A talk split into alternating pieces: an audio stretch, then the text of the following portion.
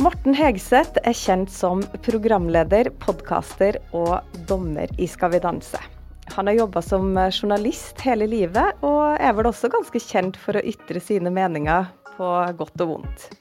Det du kanskje ikke vet, er at han eh, faktisk er ganske glad i yoga. Og hvorfor yoga har fått en plass i livet til Morten, ja, det har jeg tenkt å finne ut av nå. Velkommen til Namaste, Morten. Takk.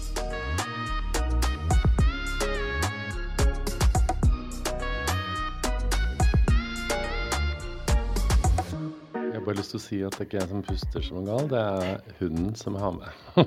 Kommer du rett fra yoga, kanskje? Nei da. Jeg vurderte faktisk å gjøre yoga rett før. Jeg gjorde det i går, ikke i dag. Så bra. Hvordan går det ellers? Det går Skal jeg si Jeg er ganske sliten i dag, fordi jeg var på jobb med Vegard i går. Da hadde vi en sånn Vegard var sjuk dagen før, så det ble sånn samlebåndsdag. Da starta vi med å podkaste, og så hadde vi et to timers langt møte om et nytt TV-prosjekt vi skal gjøre. Og så hadde vi en tre timers lang innspilling med et sånt web-TV-talkshow vi hadde. Og så måtte jeg kjøre hjem. Og da sto faktisk planen eh, Var det enten yoga eller gå tur med hunden i regnet? For det, må liksom, det er det som pleier å funke på Ikke regnet, da, men gå tur med hunden. Eh, så da rakk jeg litt begge. Kasta meg i bilen, kjørte til Gardermoen, hadde event med Oi. Vegard. Um, var hjemme tolv, oppe seks i dag, og satt kortison i bein, skulder og sjekka rygg. og vært hjem og kom hit. Så jeg er litt sånn sliten. Eh, Pluss at jeg hadde en sånn ja, masse følefeil. Først, Jeg hadde verdens beste start på januar. Bestemte meg i desember for når jeg er lei av å drikke, så tenkte jeg nå slutter vi med det. Um, og det har jeg ikke altså, det har jeg gjort siden jeg var 14, og fikk masse god effekt av det. Masse god trening. Eh, kroppen forandra seg på en måte som jeg aldri har sett før, selv om jeg spiste egentlig ganske dårlig. Men Jeg hadde sånn helt nydelig, gjorde yoga, trente styrke og spiste som en gris. Og så uh, var jeg i det var Langt svar, beklager. Trøndelag skulle spille inn et sånt nytt NRK-program sammen med Åge Aleksandersen, og da kjente Oi. jeg nå begynner jeg å bli syk. Uh, og da hadde jeg sagt dagen før jeg ble aldri sjuk. og våkna da med 40,2 i feber. Oi. Ja, det var mye, altså. Uh, og sleit litt med det i to uker. Og så fikk jeg ikke trent i to uker, og da klikka ryggen, som jeg alltid har slitt med etterpå. Så jeg er litt sånn uh, jeg, jeg, jeg, jeg føler meg litt sånn jeg føler, jeg føler meg ikke 100% men jeg har en god dag, for det er koselig å være sammen med deg. Eh, ja, jeg, eh, helsa er ellers fin, eh, men ja, det er litt sånn ja, Livet skjer, da, på en måte. Livet skjer. Men du har travle dager, med andre ord. Ja, akkurat nå så er det ganske mye travelt, ja. Ja. ja. Det er ting som skjer, som jeg har drevet på med. ja. Men du, vi har jo liksom introdusert deg litt med det du jobber med. Mm. det er jo det vi ser mye. Men eh, hvordan eh, ville du ha beskrevet deg sjøl? Hvem er egentlig Morten? Det er gøy du sier det, fordi jeg, savn- jeg snakka med noen om eh, ja, døden og begravelse og sånn, så sa jeg sånn Jeg savner egentlig den tida For jeg syns det er så koselig Jeg syns det er litt fint å gå på kirkegård. Og så syns jeg alltid det er så fint når det står sånn yrkestittel på gravstøtte. Ja, ja. Her hviler kjøpmann Ola Hansen.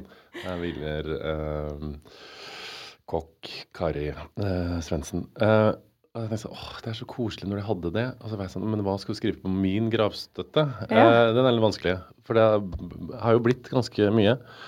Men jeg er liksom opptatt av um, at man skal liksom inkludere alle bitene av et menneske, som jeg syns folk er liksom dårlige på å gjøre. Spesielt når folk dør, så er det sånn du snakker bare om det som var bra og uh, riktig, mens alt det som er litt sånn fjasete og sånn, det nevner du ikke, for at det er liksom ikke verdig. Men jeg vil nok beskrive meg som et menneske som liksom hele veien har slitt litt mellom uh, å balansere fjas og alvor, og har behov for begge to. Mm. Har behov for å lese bøker og snakke om eksistensielle og gjøre yoga og falle på plass i meg sjøl, men har også behov for å bruke altfor mye penger på klær i London og pynte meg og finne ut hvilken hudkrem som gir- mest glød, og se på Next in Fashion med Gigi Hadid. Så det er den eh, balansen mellom eh, kanskje det litt sånn ytre og indre, Mm. som jeg setter ganske stor pris på, men som alltid er en sånn indre dragkamp. Akkurat nå er jeg litt lei av det ytre og fjaset, men så, hvis det blir for mye av det, så blir jeg Ja. Så det er litt sånn, den balansen er litt vanskelig å finne, syns jeg. Hey, I'm Ryan Reynolds. Recently, I asked Mint Mobile's legal team if big wireless companies are allowed to raise prices due to inflation. They said yes. And then when I asked if raising prices technically violates those onerous two year contracts, they said, What the f are you talking about, you insane Hollywood ass? F- So to recap, we're cutting the price of Mint Unlimited from $30 a month to just $15 a month. Give it a try at mintmobile.com slash switch. $45 upfront for three months plus taxes and fees. Promo for new customers for limited time. Unlimited more than 40 gigabytes per month. Slows. Full terms at mintmobile.com. Men det er jo ikke noe gærent i at vi på en måte liker begge deler av livet heller, da. Nei, og det var litt sånn opp, det husker jeg var sånn oppdagelse da jeg flytta til Oslo fra Stjørdal eh, og Trøndelag. Fordi Trøndelag var jo sånn, eh, hadde jo verdens fineste ungdomstid med verdens beste venner. Men der var det litt sånn du måtte velge, på en måte. Enten måtte du gå i palestinaskjerf og være feminist eh, og ha dreads og høre på Patti Smith, eller så måtte du pynte deg og høre på Britney Spears og stemme Høyre. Det var liksom ikke noe eh, Det var ikke noe mellomting begynte du å på en måte pynte deg og uh, være rocker, så var du en sviker, på en måte. Da var du falsk. Men så kom jeg til Oslo og oppdaga at du kunne på en måte gå i 8. mars-dag og ha Botox. eh, at du kan være mer enn bare Og det husker jeg var litt sånn Da var jeg tidlig i 20-åra, men det var litt sånn, jeg husker at det var en ganske sånn fin oppdagelse å se at man kan være alt. Man kan pynte seg og ha de meningene man alltid har hatt å gå i, og 8. mars-dag og ta Botox hvis du har lyst til det. At du kan være litt av alt.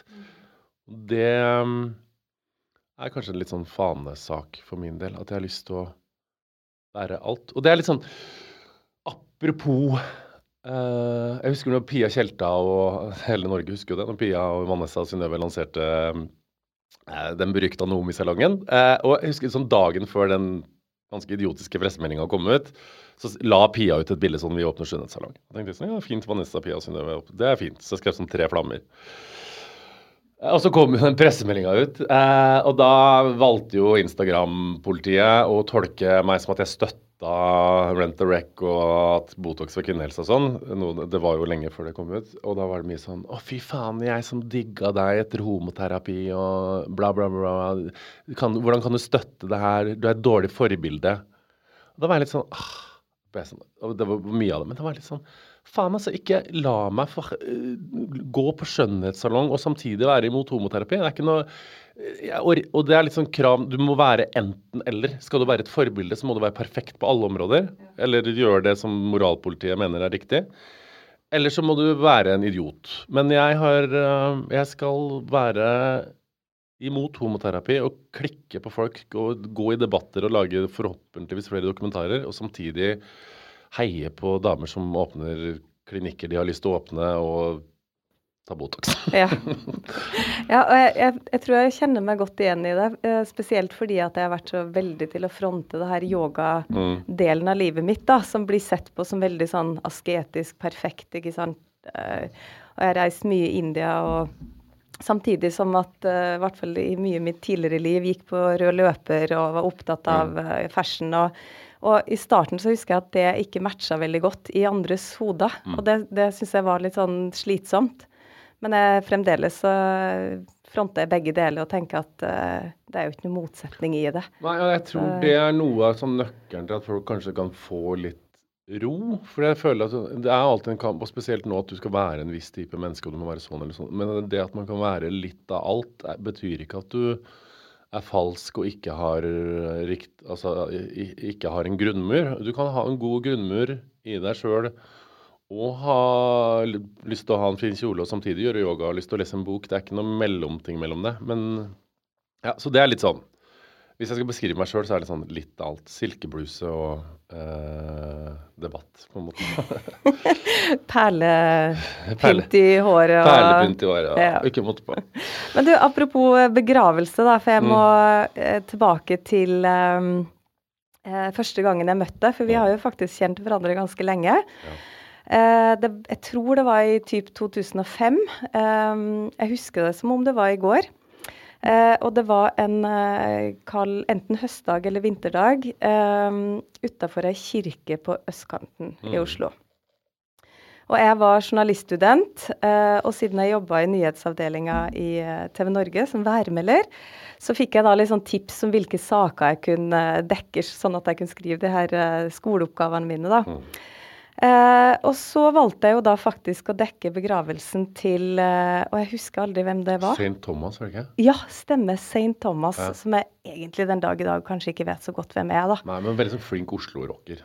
Ja. Eh, og hadde mye altså Alle på en måte i musikkmiljøet kjente ham. så jeg husker det var innmari mye kjendiser i den begravelse. Og eh, det var også et veldig stort eh, pressekorps fra alle de største avisene i Norge. Ehm, og jeg var jo helt grønn. Eh, jeg skjønte egentlig ikke helt eh, hva jeg holdt på med. Følte meg skikkelig mistilpass. Eh, og så var det altså en fyr som kom mot meg. Og jeg vet ikke, jeg har aldri spurt om hvorfor du på en måte kom bort, men ikke sant, en ung, kjekk fyr på nesten to meter med Buffalo-sko og litt for kort dongerijakke. Det er liksom det jeg husker. Og så liksom forbarma du meg over meg og hjalp meg. På Hvordan jeg skulle løse det her. Ja, men husker det. altså Det er jo innmari Hvor mange år er det siden? Det er jo nesten 20 år siden, eller? Nei, det er ikke. 20 år siden. Det er ja, Ja, det er- 15-16-17 år siden. Ja. Men husker bare det er jo, jo, Og det å dekke begravelse er jo det var innmari tøft av deg. fordi det å dekke sånn begravelse til kjent person er en veldig sånn, vanskelig oppgave. Én ting er å gjøre det hvis det er en sånn kjent person som Uh, Hva skal jeg si for deg? Annbjørg, din gode venninne, eller noen som på en måte har likt å være i media og syns at liksom underholdningsbiten var noe fint og brukte det på en bra måte. Men jeg husker at den begravelsen dekket noen av det. Det var en litt sånn alternativ rocker som egentlig var sånn fuck VG, fuck Dagbladet, fuck TV Norge-aktig. Uh, så de, Det er en sånn begravelse som du ikke føler deg veldig sånn hjem i. Fordi at du liksom, du føler nesten at du er sånn, tar deg inn på et område som du ikke ønska. Så det var veldig modig av deg å bruke den som begravelse. Men jeg husker bare at jeg så deg. Altså, visste jeg jo hvem du var både fordi at du var trønder, og, og fordi at du Det var etter værmeldertida og sånn? eller? Nei, jeg, jeg jobba jo som værmelder mens jeg studerte journalistikk, Ja. da. Men jeg var jo, var jo sammen med Daniel. Du var sammen med Daniel, og du var gangen. værmelder, og jeg bare visste at jeg likte deg sånn, så ha, husker jeg at du hadde en så innmari god energi, og så bare tenkte jeg Og nå, ikke for å bli helt sånn Märtha eh, Louise, men jeg bare trekkes jo mot noen energier, og så tenkte jeg sånn Hun her, herregud, et nydelig stykke menneske, på en måte. Jeg tror ikke jeg gjorde det for å hjelpe deg, jeg tror bare for å konversere, jeg vet ikke. Nei, ja, fordi det har jeg liksom tenkt på, er du alltid så hjelpsom? Fordi en, du vet sånn, om det er en begravelse eller eh, premiere eller whatever, da, så står det jo de- Dere journalister står liksom og dere kjemper jo om å få snakke med de riktige personene og litt sånn. Men der var du og skulle liksom hjelpe meg til hvordan jeg skulle løse den der hersens skoleoppgaven min. Jeg, jeg, Jeg, tror ikke det var intensjonen. Jeg tror sikkert intensjonen var mer bare for at jeg likte deg godt og hadde lyst til å prate med deg og syntes sikkert at det var litt kult at du var der. Så, men jeg, det der er jo, når du snakker om det nå, så er det jo den delen av jobben min er jo ferdig med. Eh, takk Gud. Eh, og, når jeg var ung, så var det jo på en måte Da må, måtte man gjøre det. Men det er ganske sånn ja, Det er litt sånn vanskelig øvelse, men da blir man litt sånn gjengen allianse når man dekker det. Fordi man blir eh, alle Altså man blir en gruppe som er der med Alle har for så vidt da samme hensikt, så man blir litt sånn sammenbundet. Og så så jeg nok kanskje at du var litt sånn fersk og eh, også tror jeg hadde ganske respekt for at du var en allerede en sånn etablert profil og hadde. Og så studerte du, hadde lyst til å dekke det og bare var nysgjerrig. Og det husker jeg at jeg syntes var litt sånn litt kult. Um, så jeg tror ikke det var nødvendigvis sånn Å, nå skal jeg hjelpe hun hjelpeløse Vibeke. Jeg tror det var mer sånn kombinasjon av hilse på, god energi, og, jeg, og sikkert også syntes det var stas at hun deilige værmelderen var der. men du, så etter noen år etter, da um, så skal jeg jo uh, Fordi det jeg husker liksom etterpå, at jeg ble litt sånn forelska i det. Eh, det var litt sånn jeg, Som sagt, det var bare hele settinga. Du, du som, som jeg sier, du forbarma deg over meg. Og jeg var nok veldig takknemlig for det. Eh, men den der forelskelsen, den eh, gikk over til noe helt annet noen år etterpå. Å, spennende. Fordi du jobba i Se og Hør. Mhm. Eh, jeg gikk gjennom min eh, skilsmisse, og du var jo faktisk ja, du lagde mange store, stygge Nei. overskrifter og Hva forsider som jeg rett og slett uh, hata ganske mye. Og da var jo det jo litt sånn eh, Tenk på hvordan er det egentlig å være en journalist som skal liksom grave i andres privatliv og skrive om ting som du vet kan være vanskelig for andre å lese, lese da, eller bli fronta med? Uh, litt forskjellig svar på det nå og da. fordi når jeg jobba med det da det var litt sånn, Jeg gikk jo på journalisthøgskole i Bodø og begynte å skrive i lokalavisa fra jeg var åtte. og så hadde jeg alltid sånn tydelig liksom, mål hva jeg skulle. Jeg husker på journalisthøgskolen så var det sånn i Bodø så var det sånn, eh, Læreren var sånn I dag skal dere ut og finne noen busker og ringe kommunen og spørre hvorfor de ser sånn ut.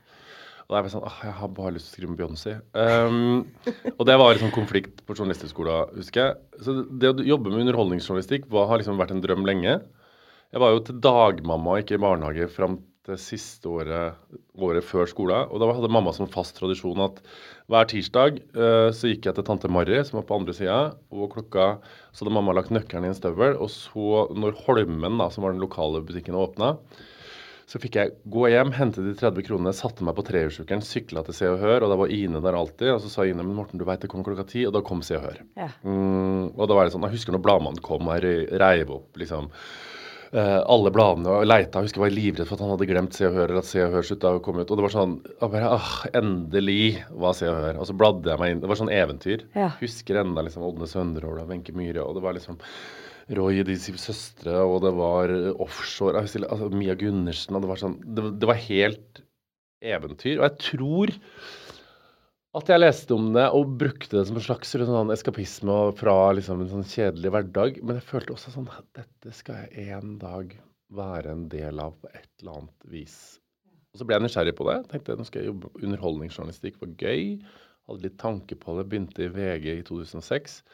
Og så skal man jo dekke nyheter, og på den tida så var nyhetsbildet helt annerledes. Det var liksom Internett fantes knapt. Um, alt handla om å ha liksom de riktige kildene.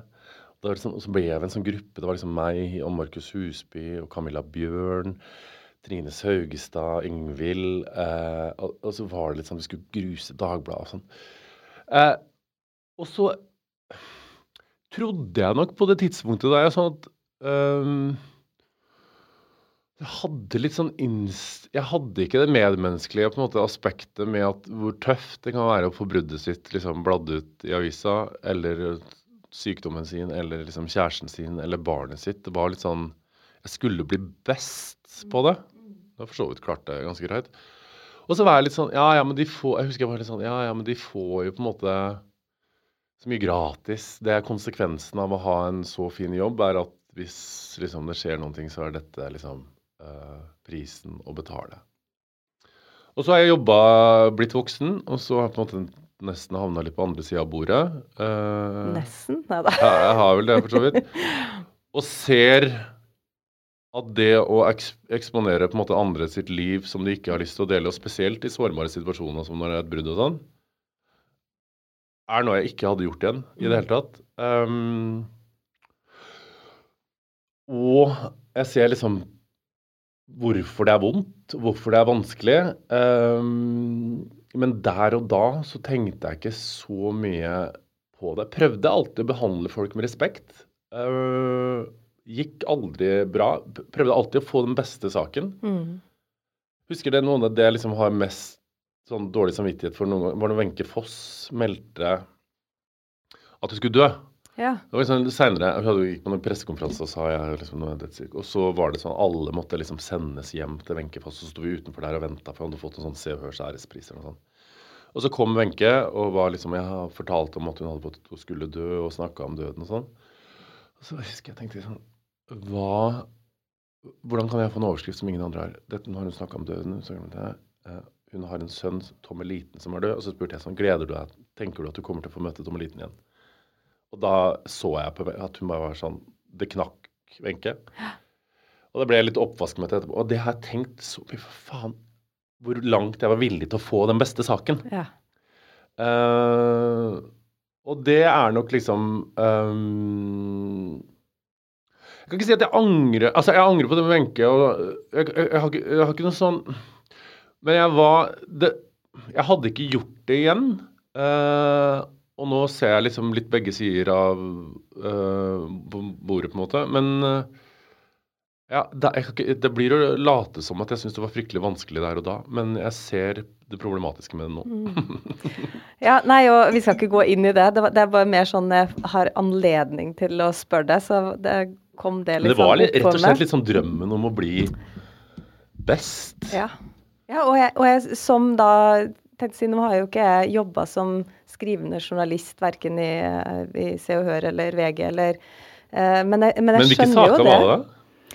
Nei, det var jo med skilsmissen, da. Det var jo liksom alt som skjedde rundt, og bare det å ha eh, Når det på en måte alle ryktene, ikke sant, og når du får eh, bruddet ditt slengt opp på altså Se og Hør, Dagbladet, VG på samme dag, og det harseleres med på radio, ikke sant. Det er sånn eh, Det er jo vanskelig å stå i det. Og jeg husker jo at Jeg jeg, syntes jo- det var tøft. Ja, og jeg var jo sammen eh, Ikke uten sammenligning fordi du hadde barn og var gift, men jeg var jo sammen med Sturla Berg Johansen i den perioden der. Ja. Da var jeg 23 år. Um, og da var han sånn Norges mest sexy ungkar, og det var ikke måte på. Uh, var liksom the big hotshot i TV-bransjen. Og så ble jo det slutt etter hvert. Og så husker jeg, da jobba jeg, sier jeg. Um, og så husker jeg at sånn, plutselig lagt det, og de, jeg fikk beskjed om at det, jeg jobba der, men de sa sånn det kommer til å stå. Eh, jeg tror det sto både VG og CR og forsida sånn. Jeg husker. Fy faen, så jævlig det var. Ja. Bare få det i trynet. Det var så jævlig hardt, det. Ja, for at du har jo egentlig mer enn nok med å takle det Ja, ja. å stå i et brudd. Eh, og vi hadde jo barn, så du vet at uh, det, hun skulle jo håndteres opp i det. Og så liksom Og bare den der følelsen av at alle står og leser de her overskriftene og vet at jeg står i livets kjipeste periode. Og du tenker på alle jentene som blir glad for at han nå er singel og kommer til å prøve seg på han, og han som kommer til å si ja og kommer til å ligge med de. Og sånn holdt jeg på. Ja, ja, sånn, altså. Ja. Og bare nå kommer han, og du sitter der og uh, Ja. Men jeg drev og rydda i noen gamle blader, og da, på det tidspunktet, for da tror jeg det var slutt med det og han, eller kanskje det var før dere ble sammen, jeg husker ikke, men da var jeg, jeg og Sturla, vi var de hotteste single. ja, det var det, ikke sant? Ja, vi var det! Jeg syns jeg husker jeg det. Jeg bare- måtte si det. For det, du og Sturla Var ikke det Norges mest sexy ungkar og ungkarskvinne? Yes! Tenk å ha det på Når- lista si, liksom. Men når var det? I 2008? 2008. Det var da vi ble sammen, ja. Rett Ja, ikke sant. Så du kapra faktisk Norges hotteste Mm, ungkar. absolutt. Well done. Men du, eh, som de så klisjéaktig sier, det har jo rent mye vann eh, gjennom elva siden den gang, og jeg Mm. tror eh, forelskelsene har kommet litt tilbake da. Jeg har jo syntes det har vært utrolig kult um, og liksom fulgt med. Eh, for du har jo liksom gått fra å være journalist til programleder. Du har eh, Norges største podkast med Vegard Harm. Eh, TV-show. Altså, du har vært med i masse reality. Og så dommer i Skal vi danse. Og så er du jo egentlig nå en av Norges største kjendiser, da. Nei, det er ikke Men Nei, I manges ehm, hode så er det jo det. Men, men liksom, fortell om, om de her da ti siste årene. Altså alt det som har skjedd. Ingen tilfeldigheter. Nei. Knallhard jobbing og strategi. Ja, fordi det var mitt neste spørsmål. Har det her vært en plan? Har du Ja, hatt ja, en ja. strategi på det? Jeg har ikke fått ingenting gratis. Nei. Absolutt knallhard jobbing, ja. Og vite og der og sjonglere sjøl og sette ting opp mot hverandre og trekker ned og Så absolutt en plan. Um, noen Skal vi danse fikk jeg for så vidt uten å masse om det, men eh, Det var tilfeldig. Men når jeg først blir kontakta med et sånt Kunne dette vært noe? Da setter strategihodet mitt Hvem skal vi snakke si dette om? Hva skal vi si for å få gjort det? Um, og så baller ting på oss. Så det er veldig sånn uh, Og derfor har jeg lyst til å bli manager når jeg blir voksen. Um, men noen er jo på en måte Og det er litt sånn som jeg òg har tenkt på, at uh, noen er jo liksom mer sånn naturlig talentfulle fra st de er altså født Altså det er noe sånn f.eks. Vegard, som jeg jobber med, som er litt sånn naturlig stjernestøv rundt seg og kan bare åpne kjeften og få en hel sal til å le. Og så er det noen som må jobbe litt hardere for å komme dit de skal. Mm. Eh, og det er jeg. Uh, og jeg har jobba knallhardt for det. Uh, og tar ingenting for gitt. Og um, har sjonglert kontrakter og tatt kontakt med folk i TV-bransjen og sendt melding til programsjefer om kanskje dette. Sagt sånn Ja, men hva hvis jeg gjør dette, får jeg det da? Får et tilbud? Ja, jeg skal gjøre det hvis jeg forlanger Altså Så mye, liksom Mye Eh, mye jobb, ja. Ja. Men hvorfor har det vært så viktig for deg? Ikke viktig, jeg bare syns det er gøy. Og så syns jeg det er gøy med utvikling. Å utvikle seg sjøl og hele tida bli utfordra. Så er det litt sånn Jeg tror at sånn grunnen til at folk trekkes mot underholdningsbransjen og har de jobbene vi har, er at det ligger en naturlig usikkerhet der og et behov for applaus. Selv om vi sier at det ikke er det. Det er noe med at sånn liker det på et eller annet vis og har kanskje litt større behov for bekreftelse enn mange andre. Um, så det har jo sikkert noe med det å gjøre, men det har også rett og slett en sånn grunnleggende forkjærlighet for underholdningsbransjen og TV-bransjen, og syns det er gøy å være med på ting som er får litt gjennomslag. Mm. Jeg syns det er sinnssykt. Men så har jeg fått gjøre sånn Jeg får lage homoterapidokumentar som øh, nå på en måte mest sannsynlig forandrer norsk lov. Eh, vært, var med på å sette i gang det. Sitte i Skal vi danse. Fått lagd hundeprogram på TV 2. Jeg har fått leda Love Island. Jeg har vært liksom Jobba med Vegard, vært på turné, vunnet Gullruten. og det er sånn, Jeg er innmari takknemlig for det, og har innmari mange andre enn meg sjøl å takke. Mm. De som vi jobber med i redaksjonen, Vegard ikke minst. Um, så det er, Man hadde ikke klart det aleine i det hele tatt. Uh, absolutt ikke. Men det er sånn Jeg syns bare det er jævlig gøy å jobbe. Og så syns jeg den bransjen er gøy som oftest. Men nå, for første gang i mitt liv Snakka faktisk med om en venninne om i går. Så er jeg sånn Nå har jeg kommet til et punkt der sånn Nå er det ikke så viktig mer å være på TV eller ha en stor podkast eller sånn. Jeg kjenner, kjenner at liksom nå har jeg fått oppnådd litt ting som jeg har drømt om, så nå er det ikke sånn Jeg tror ikke at jeg hadde liksom kollapsa hvis jeg ikke hadde fått et nytt TV-program. Nei. Um, nå er det sånn andre Nå er det sånn nytt nivå. Nå har jeg lyst til å jobbe litt mer sånn, bygge opp ting og sånn. Men det har vært en ganske sånn solid plan og mye jobb. Uh, og nettverk og kjenne folk og ja. Ja, og det, det er så kult å høre. Altså, fordi egentlig, så, sånn sett utenifra, så kan man jo tenke at alt bare blir lagt i hendene på det, og at det her er bare å komme av seg sjøl, liksom. Absolutt ikke. Og da skjønner jeg også litt, fordi jeg kommer vel også til et punkt hvor akkurat det du sier, at det å være på TV, gjøre hva som helst, det, det ble liksom ikke viktig lenger. At det var mer de her Jeg har liksom hoppa over på andre prosjekt, og, og sånn som bare det å få lage denne podkasten hvor jeg får lov til å formidle yoga, som er liksom min aller, aller største passion i livet, da. Det, det betyr så utrolig mye mer enn mange andre ting.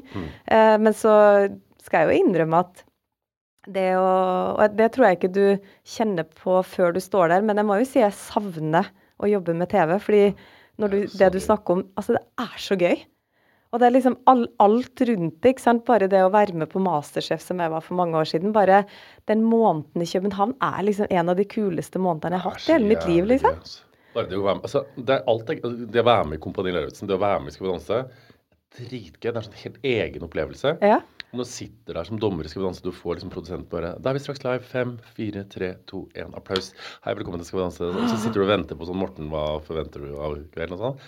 Det er sånn- det er så jævlig gøy. Så er det folk som sminker deg og pynter deg, og eh, folk som ser på deg, engasjerer seg. Og det skaper liksom Ja, noen kan hate deg, på en måte, det er greit nok, det, men øh, møter folk på gata som sier sånn Hei, å, du er så flink, og du får så mye liksom bekreftelse på det. Det er så jævlig gøy. Eh, og det er sånn Det gir meg så Jeg syns det er så sinnssykt gøy å være en fet produksjon med masse folk som jobber for ett mål, og lage liksom underholdning og ting som folk skal se på. Og jeg tror på ekte nesten ikke at det handler om liksom sånn eh, at folk skal se meg. Det er bare at du klarer å lage et produkt som engasjerer folk. og liksom hele greia der. Og når det er ferdig sånn Bra sending i dag. Du tar av deg klærne. eh, ta, ta, jeg tar ikke av meg sminken, for jeg hjem- vil ha lyst til å komme hjem pen. Eh, skal vi ta et glass, liksom? Skåle? Og så, sånn, ja, og så sitter du i sesongen sånn Herregud, nå er vi halvveis, og så er det finale. Og så er det sånn, ja, ja. Nei, faen også, det er så gøy. Ja. Helvete, det er ja. gøy. Så jeg, jeg, har skjønner så godt at Ja. eh, Og det å stå på scene med Vegard Mm. og jobbe og det, Fy faen, det er så mye med det som er gøy, og man er så heldig som har mulighet til å ha liksom deler av den jobben. Tenkte på det i går, når folk ler og applaus. Og, du kjør, kjørte hjem fra Gardermoen i går, hadde hatt tolv timers arbeidsdag. Men det funka så bra, det vi gjorde i går. Og det var noe gammelt materiale vi brukte som vi skrev inn, som vi liksom fikk naturlig Og folk, folk kom og sa Jeg kjørte hjem i tolvtida i går og var egentlig dritsliten. Stoppa på Shell, kjøpte meg min guilty pleasure, eh, og lite god uten sukker. Eh, snuser og kjører hjem og hører på Veronica Maggio og tenker sånn fy faen.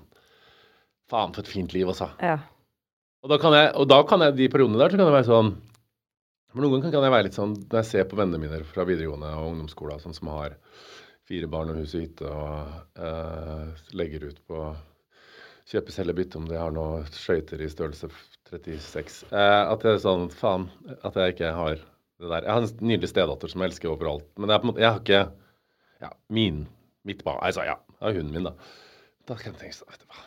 De der gulpeklutene og de der skøytene på kjøpe, selge, bytte på størrelse 36, de kan noen andre faen.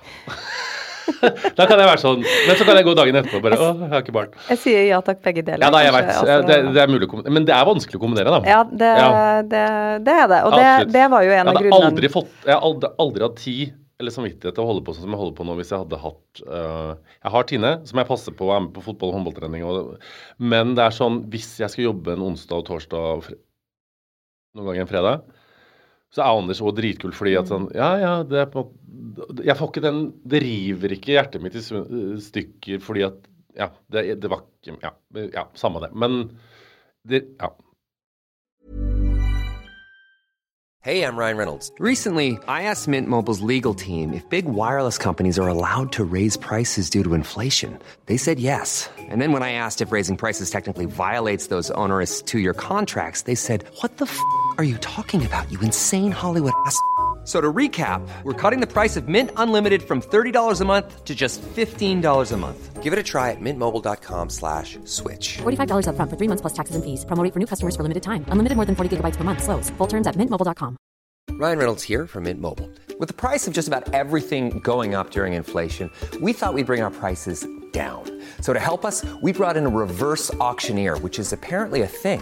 Mint Mobile unlimited premium wireless. Ready to get 30, 30, bit to get 30, bit to get 20, 20, 20, bit to get 20, 20, bit to get 15, 15, 15, 15 just 15 bucks a month. So, Give it a try at mintmobile.com slash switch. $45 upfront for three months plus taxes and fees. Promo rate for new customers for limited time. Unlimited more than 40 gigabytes per month. Slows. Full terms at mintmobile.com. Jeg elsker henne overalt, men eh, Anders er så grei, og vi deler på Vi har henne 50% og jeg elsker henne minst like mye som jeg hadde fått et eget biologisk barn noen gang. Og hvis jeg får et biologisk barn, så skal Tine arve 50% og det andre barnet er 50% og hun er Jeg elsker henne så mye at det er helt rått, og vi har det så gøy. Men det er, sånn, det er noe med at Jeg er ikke helt med fra starten av, så nå kan jeg ta meg fri en torsdag og fredag kveld uten at liksom, jeg må be Anders om skriftlig tillatelse. Ja. Um, så det er en frihet i å kunne jobbe så mye som jeg gjør akkurat nå, med å ikke ha det. Ja. Ja.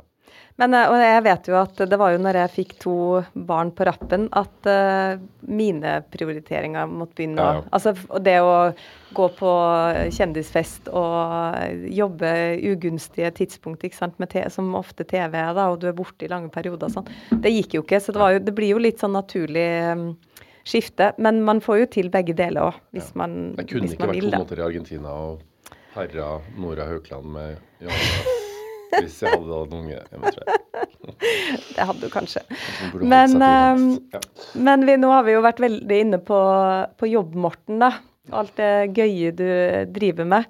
Um, og jeg har jo så lyst til å grave litt i um, din interesse for yoga. Fordi jeg husker så sinnssykt godt første gangen jeg så at du posta på Instagram, Mm. eller der du skrev om yoga. Uh, og det, det er sånn Hjertet mitt gjorde et hopp. Det var sånn, Jeg hørte musikk oppi hodet. Og så, og så var jeg sånn, trodde nesten ikke at jeg så det. Og tenkte kanskje faen, er det kødd, liksom? For det var jo mange som drev og harselerte med yoga Ja, ja. den gangen. Um, og, og så var det sånn, For oppi mitt hode så var jo ikke du en yogamann. Nei, nei, nei. Jeg begynte med det på ryggen, faktisk. Ja, så det er sånn Hvordan i all verden eh, kom yoga inn i ditt liv? Yoga kom i mitt liv, for jeg har, som du sier, jeg er ikke noen naturlig yogamann. Og var litt sånn skeptisk til det på samme måte som man er til sånn alle nye trender som kommer. Og var litt sånn til bøy og downward facing dog og pust og chante og sånn. Og så var jeg sånn så tro, Jeg tror faktisk at sånn Lurer på første gang jeg prøvde det, kunne ha vært på en sånn satstime. Og det var funka helt fint. Og så sleit jeg ganske mye med ryggen. Uh, og ryggen har det er, Apropos, det kan vi diskutere seinere. Yoga gjør ikke nødvendigvis underverker for ryggen min. Uh, noen ganger gjør det det. Uh, Kobra gjør det ikke. Eh, fy faen, farlig Ja. på korsryggen, ass. Ja. Og så begynte jeg å teste, og så var jeg sånn Fy faen, det er noe her som jeg ikke helt får til å forklare, som jeg liker skikkelig godt. Og det var sånn, Jeg trente litt styrke og løpte litt og sånn. Det var noe med den yogaen som var sånn Fy faen. Får ikke helt ord på det. Eh, f- fikk, fant ikke helt ord på å beskrive hva det var. Og så lurer jeg på om det er sånn for sånn åtte år siden kanskje, at jeg gjorde den første 30-dagers-challengen med Adrian. Åtte-ni år siden. ja. Som alle i 30 Days of Yoga med Adrian Michelet, eh, som veldig mange gjør nå På YouTube. på YouTube. Ja. Hun legger ut i januar, fra dag 1 til dag 30, så er det en utfordring at du skal gjøre yoga hver dag i 30 dager. Um, Hvor lenge? Altså, Det er ganske lenge. hvor, hvor lange økter og sånn? Det har blitt lengre nå, men da var det liksom Det varierte mellom 10 og 40 minutter. Ja. Kunne det være. Og så er det Favorittdagen min er day 8, feel great, meditate. Eh, for da er du litt sliten, så er det bare sånn legge deg med pute og tenke. Så gjorde jeg det. Um, og så hadde jeg sånn Fy faen, så bra. Og så var jeg på sommeren, så dro vi og da tenkte jeg sånn, sommeren og var ute på en hytte. Og tenkte jeg nå skal jeg gjøre det samme igjen. Tok med meg liksom Mac-en eller datamaskina hver dag ute på en, en liten sånn holme jeg hadde, og yogamatta, selv om det ikke er anbefalt, for du skal egentlig ha flatt gulv under deg. Men, så det var litt sånn mellom nå. Ja, byer og det var ikke sånn. Fant det flateste strekket. Så gjorde jeg det. Og da fikk jeg, vet jeg fikk en sånn opplevelse av yoga som var sånn Det var helt sykt. Um, og jeg er ikke noe sånn troende på det, men det var sånn det, var sånn, det skjedde noe med hele liksom, sinnsstemninga mi. Det var nesten så jeg hadde tatt valium etterpå i tre timer. Det var sånn Nå er jeg på en måte Jeg så Jeg, jeg følte meg nesten i zen. Og ro og fokus. Og det har vært mye rot i hodet. Og jeg var sånn hva, hva, hva er det som skjer med hodet mitt? Eh, og det var sånn Og livet ble bedre. Og så husker jeg husker det var samme året, men jeg hadde eh, Hun sto, og det var noe sånn dag 15 eller noe sånt. Og så sa han sånn Nå har jeg lyst til at du skal tenke på liksom, Du sto i en eller annen stilling. Så sa han Jeg har lyst til at du skal tenke på noe med deg sjøl som du elsker. Prøv å finne det, liksom, som du digger med deg sjøl. Og så sier jeg etterpå sånn og det er Godt mulig at du er litt lei deg akkurat nå for at du ikke klarer å komme på noe med deg sjøl som du er så glad i. Og det er jo helt greit. Fy faen. Jeg begynte å grine så jævlig. På matta. Det var, jeg, jeg, sånn, det, det sånn, og jeg gråt og gråt og gråt. og gråt. Jeg sånn, Men hva faen er det som skjer? Altså, det var helt sånn Det var en sånn slags gjen... Det var, og det var så trist. Men det var ikke sånn grusomt. Det var fint.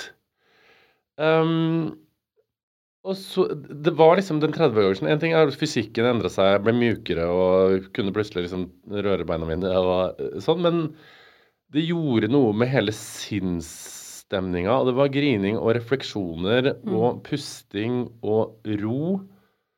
Og jeg husker på sånn dag 30 når jeg var ferdig, eh, så hadde jeg sånn Nå blander jeg sikkert året, men jeg hadde en sånn veldig sånn unormal reaksjon på det. Og jeg sånn, Dette her er det beste jeg har gjort i hele mitt liv. Eh, og vanligvis da, så er det sånn Nå går jeg og spiser ski og drikker grønn te. Men da er jeg sånn har jeg så lyst på en sigg. så jeg husker jeg feira 30 dagers med sigg og rødvin.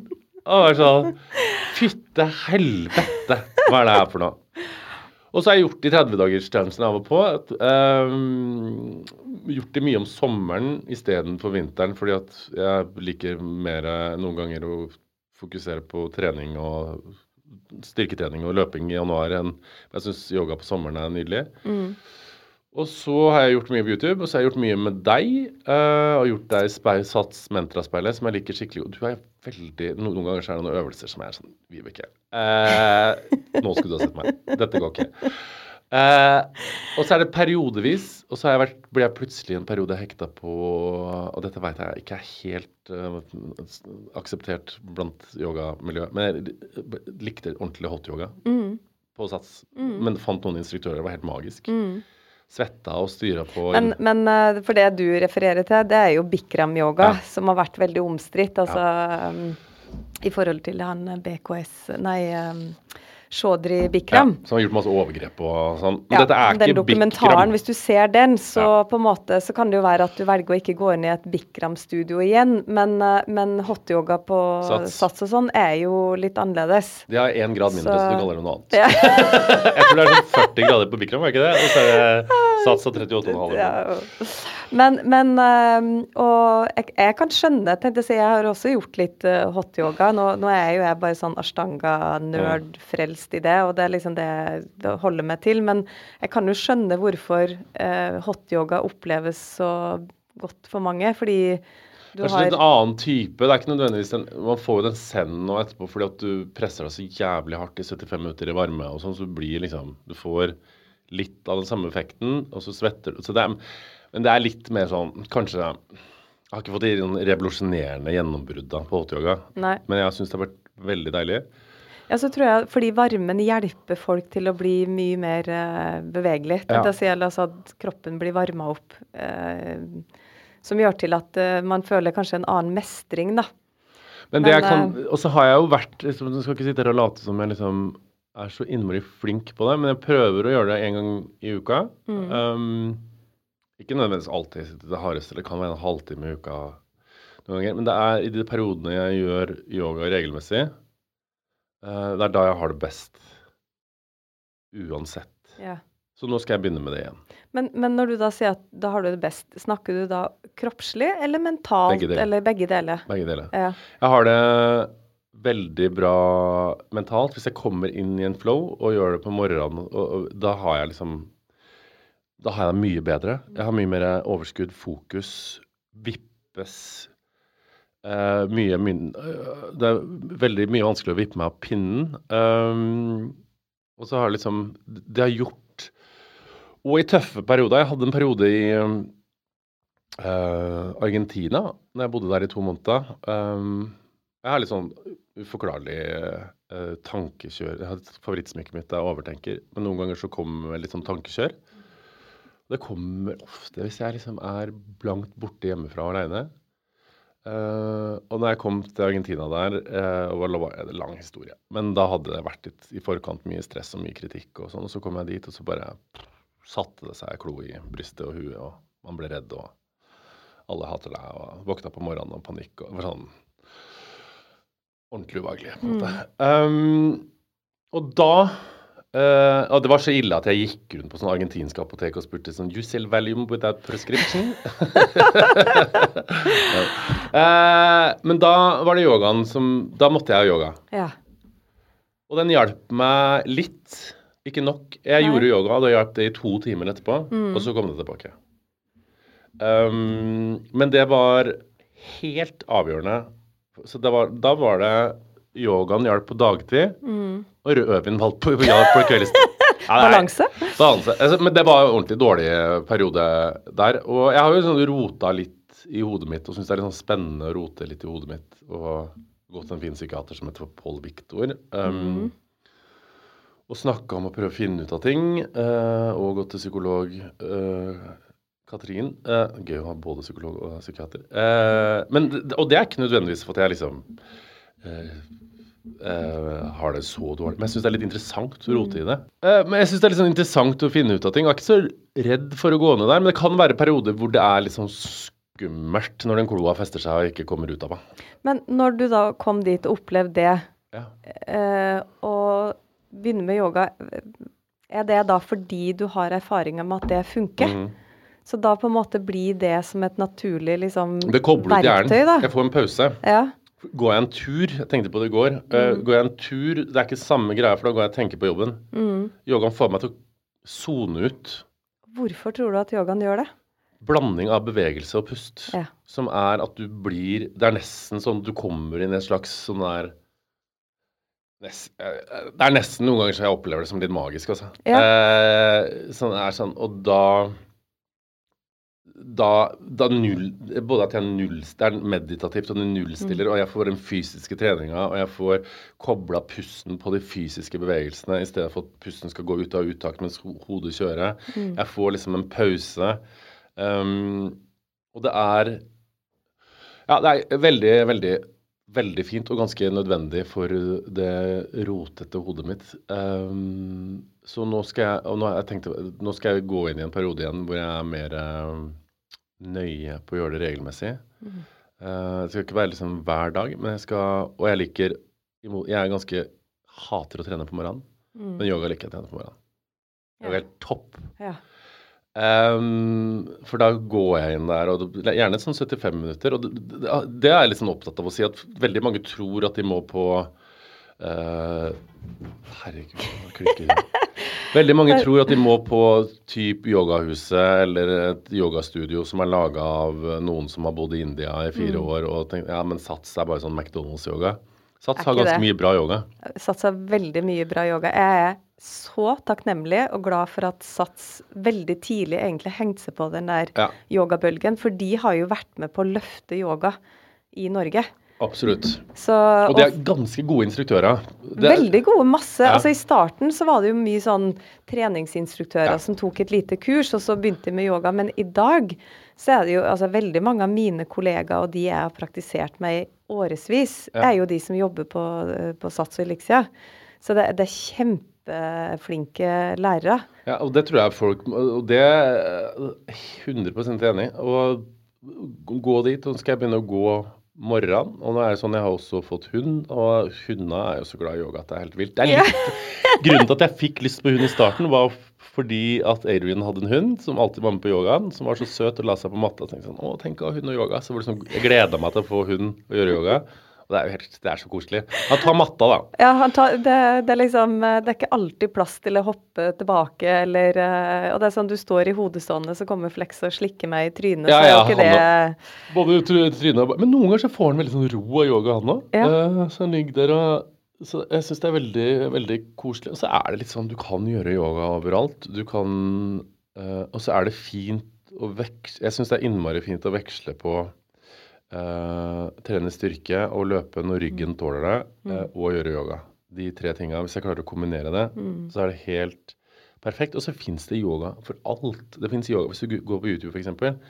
Yoga for bad back, yoga for a hangover, yoga for uh, pregnant, yoga for just born, yoga for transvestis- transvestites. Altså det er liksom yoga for gays. Altså det er liksom det er vel ølyoga hvis du har lyst til det. Men det er sånn, det fins veldig sånn spesifikk yogatrening òg. Hvis du sliter med ryggen f.eks., så kan man gjøre det. Og nå gikk jeg Jeg må passe meg veldig når jeg, jeg sliter jo med en korsrygg som har vært prolapsoperert og kommer fra Apex-klinikken i dag, der de har sjekka det. Men jeg må passe litt på ryggen når jeg trener yoga.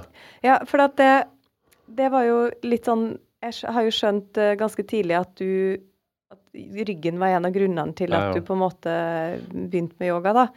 Eh, og jeg har jo selv hatt eh, prolaps. Um, og Vondeste i hele ja, verden. det, altså, det- L4 og L5, eller? ja, Ja, ja. ja.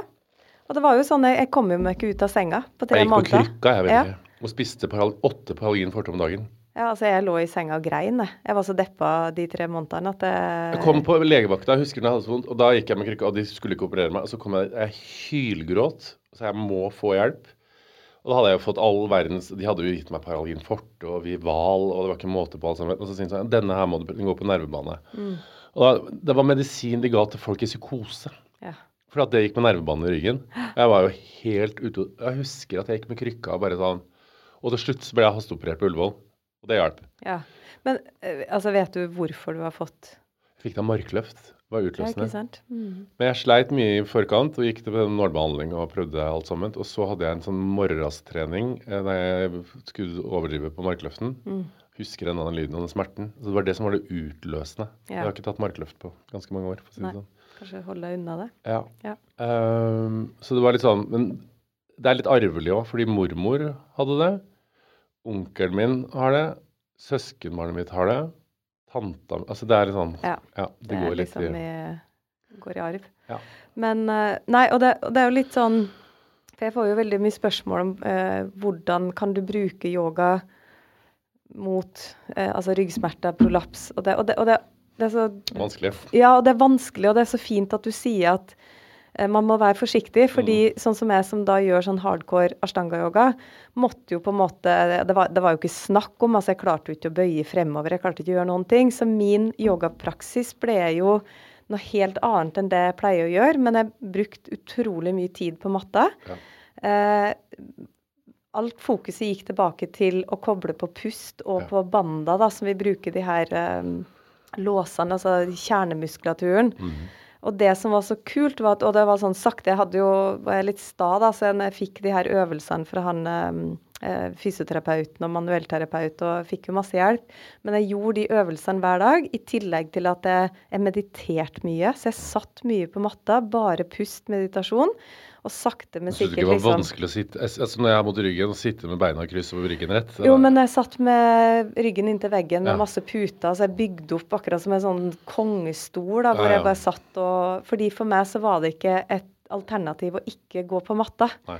Og det handler jo litt om at det har vært en rutine. Det er en så stor del av livet mitt over så mange år. Så når det blir tatt frem med Det var jo det som skjedde under pandemien. Og, og jeg har jo vært i din eh, fantastiske podkast og fortalt min historie om um, under pandemien, som vi ikke skal snakke om nå, men da kan du jo høre på det som ikke dreper deg, hvis de er nysgjerrig på det. Men det var jo litt fordi at mine rutiner ble dratt vekk fra meg.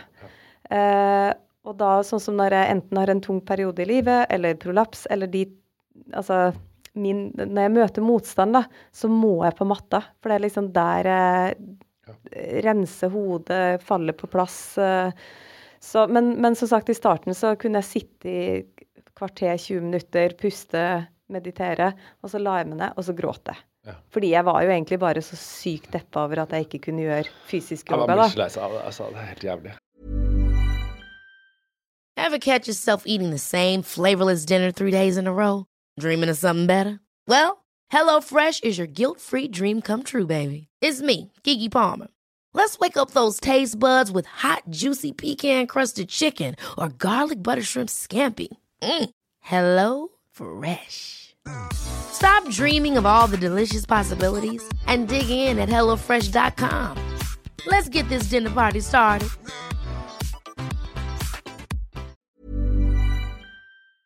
Ja. Så, så det er jo ikke sånn at å, du har prolaps, ja, men da går du og tar 90 minutter ashtanga. Det er jo ikke Altså, nei, nei. Det må du ikke gjøre. Nei, nei. Altså, for all del. Men jeg har hatt øh, øh, elever som har operert, og som har kommet hvor jeg har hjulpet de til å bygge opp, og da, da gjør, Det handler jo om noe helt annet, ikke sant. Bakoverbøyninga er for mange i starten helt Altså når du Ja, ja. sier kobra. Nei, nei. ikke sant? Du må, du må jobbe riktig, da. Så da er det jo kjempeviktig at du har noen som kan hjelpe deg til å gjøre, Så gjøre må riktig. man, og der er jeg jo fryktelig dårlig, men man må være god, god på liksom kjernemuskulatur og styrke i Det er det viktigste. Ja. Folk sier sånn tren ryggen, eh, men det er like viktig tren magen. Altså. Ja, tren magen. Tren magen. Ja. Det er det viktigste. Ja. Magen og liksom hip trust. Hvis du har fokus på det, så blir det bra. Ja. Det er jeg dårlig på, men de periodene jeg trener det, da blir ryggen 100 ganger bedre. Ja. Det er sånn, for min, I min erfaring så er sånn yoga det kan gjøre ryggen bedre, og det kan gjøre ryggen dårligere. Det er Ja. bare litt Det er nesten litt sånn du må være ganske forsiktig. Ja. Og så tror jeg nesten at man burde ha en yogainstruktør som lærer deg litt å gjøre det hvis Ja. du har vondt i ryggen. Det har ikke jeg hatt. da. Men det er sånn Det er ikke noe vidunderkur. Og så tror jeg også er litt sånn Når man snakker om yoga, så er det sånn Uh, at det blir liksom fort sånn Ja, yoga, hvis du sliter og har det vondt, gå på matta, så blir alt bra. Yoga er ikke nødvendigvis det eneste svaret. Du kan også eh, du, du gå i terapi, og du kan jogge deg en tur i skogen, og du kan medisineres hvis du har behov for det mot tunge tanker eller uro, og så kan du bruke yogaen i tillegg. Det er ikke sånn at liksom Uh, Yogaen er det eneste svaret, men det er et innmari, i hvert fall godt supplement for min del. Og så syns jeg det er fint sånn med deg som yogaperson og andre yogapersoner som er litt sånn åpen for alt. Det er ikke bare liksom uh, Det er jo noen yogaeksperter som er liksom at det eneste svaret er India, chia-pudding, grønn te og vaksinemotstand. Uh, uh, og går rundt og bare ja, ikke stole på myndighetene, for det er konspirasjonsteorier. Altså Det er jo mye, det, det kan jo bli fort bli svevende på den yogamatta òg. Eh, men det er, liksom, det er en liten brøkdel av yogamiljøet. Ja. Ja. ja. Ja, og, og, det, og igjen, som jeg sier, at det ikke er noen motsetninger på ting, men jeg har jo annet når jeg fikk prolaps, Du eller har da tatt koronavaksine? Jeg har tatt vaksine, faktisk. Eh, men jeg har full respekt for de som valgte å ikke gjøre det, altså. Så, um, Det har ikke ja. jeg. Nei, men uh, vi, vi er litt ferdig med den diskusjonen, er vi ikke det? Ja. Men, men eh, jeg har jo møtt da veldig mye motstand på at liksom Å ja, men du som driver med yoga skal jo ikke ha vondt i ryggen. Ja, men du som driver med yoga, du skal jo ikke gå på en smell og ønske å ta livet ditt eller ha utfordring av livet, for, for du driver jo med yoga. Ja. Så blir jeg sånn Ja, men hva tror du yoga er? Altså, det er et fantastisk verktøy. Men det er jo ikke sånn at hvis du har yoga i livet, så lever du på en rosa sky, liksom. Nei. Så det er jo, og det er jo derfor jeg syns det er så kult eh, at du på en måte også er en stemme for yoga, da. Som, som har så mye annet, men som kan gå god for yoga, tenkte jeg. Er. Det nok den treningsformen jeg har hatt som har gitt meg de villeste opplevelsene, ja. Ja. Man kan jo få runners high opp på en måte når du løper og har styrketrening får man ikke det. Men, eh, og det, runners high kan jeg nesten sammenligne litt med sånn yoga-eufori noen ganger. Eh, men det er noe med det, det er ingenting som har satt meg mer ut enn yoga, sånn eksistensielt og mentalt. Og ingenting som i perioder har gitt meg bedre det Gjør veldig mye bra for fysikken. Mm. Så er det jo innmari fint hvis du kombinerer du styrke og yoga og løping hvis du har tid til det. Her blir du jo flott menneske, da. Det er helt nydelig. Ja, men da så det du du egentlig egentlig sier til meg, at kan du ikke begynne å Jeg har begynt å trene bra. styrke, da. Men løping, det er jeg ikke så, Nei, så veldig jeg- god på, da. Men det sånn, jeg liker kombinasjonen. Så syns jeg yoga altså Det er bare Det er fantastisk, og alle burde prøve Det er ikke noe liksom Og det kan Jeg skjønner om folk syns det er litt kjedelig òg. Jeg skjønner om folk liksom sier sånn Ja, men når jeg først skal bruke en time på trening, så har jeg lyst til å svette i hjel og få lyst på 17 brødskiver etterpå. Det er òg digg med å trene, men det er det å kombinere de Det å også ha yogaen i tillegg er helt nydelig, fordi ikke bare hjelper det deg eh, fysisk, men det hjelper deg også mentalt. Og det er liksom en treningsform som gir innmari mye bra. Um, og som i hvert fall har forandra meg ganske mye. Og nå er jeg ute av yogarytmen, men nå skal jeg inn i den. Og de periodene jeg er inne i yogarytmen, så er det, da er livet så innmari fint, altså. Så digg å høre. Ja, ja, det er helt nydelig. Jeg får lyst til å gjøre det nå. Ja. Og nå har jeg vondt i ryggen, så det er fint, det. Nå har jeg fått sånn løpeforbud og ikke trent, så nå skal jeg, jeg skal hjem og gjøre yoga etterpå. Men um, ja, også, uh, eh, for det- er det sånn at du liksom går rundt og anbefaler yoga til folk du kjenner? Nei, Jeg går ikke og misjonerer det, nei. Men jeg, hvis folk spør, så gjør jeg det, ja. Ja. Det er Du, har, litt du har jo lagt ut en Jeg har lagt ut masse, ja. ja. Jeg slutta litt de to-tre siste årene av hele Kjendis-Norge og oppdaga Adrian, for da ble jeg litt sånn Å ja, ja. sluttet. Alle gjør sånn Ja. som du gjør, vet du. Nei da, ikke det, men jeg, ble litt sånn, men jeg anbefaler det. Jeg legger ut om det og sender meldinger til Adrian. Og, eh, jeg er jo sånn ordentlig stalker-fan. Skulle dra på Stockholm på convention. Um, så jeg ordentlig glad i det. Hvis jeg snakker med folk, så jeg anbefaler jeg å prøve. Og så er det litt sånn For min egen del så er det litt sånn Jeg har behov for å trene litt nesten hver dag. I hvert fall sånn fem dager i uka for å føle meg fin og i balanse. Og noen ganger så er det styrketrening, men andre ganger så er det sånn så går jeg ned liksom en time aleine på rommet med hunden, gjør yoga. Uansett om jeg liksom Det er sånn, det har jeg tenkt på. Uansett om jeg ikke har svetta meg i hjel. Og sånn så tar jeg meg en dusj etterpå og har den følelsen jeg har etter en hard styrkeøkt eller en løpeøkt, ganger fem Ja. og setter meg i sofaen og ser på Succession. og er Sånn, da får jeg den følelsen. Yoga bliss, tror jeg det kalles. Ja, yoga bliss. det er sånn helt vilt. Så det elsker, jeg elsker det skikkelig hardt. Jeg skal hjem og gjøre det etterpå nå.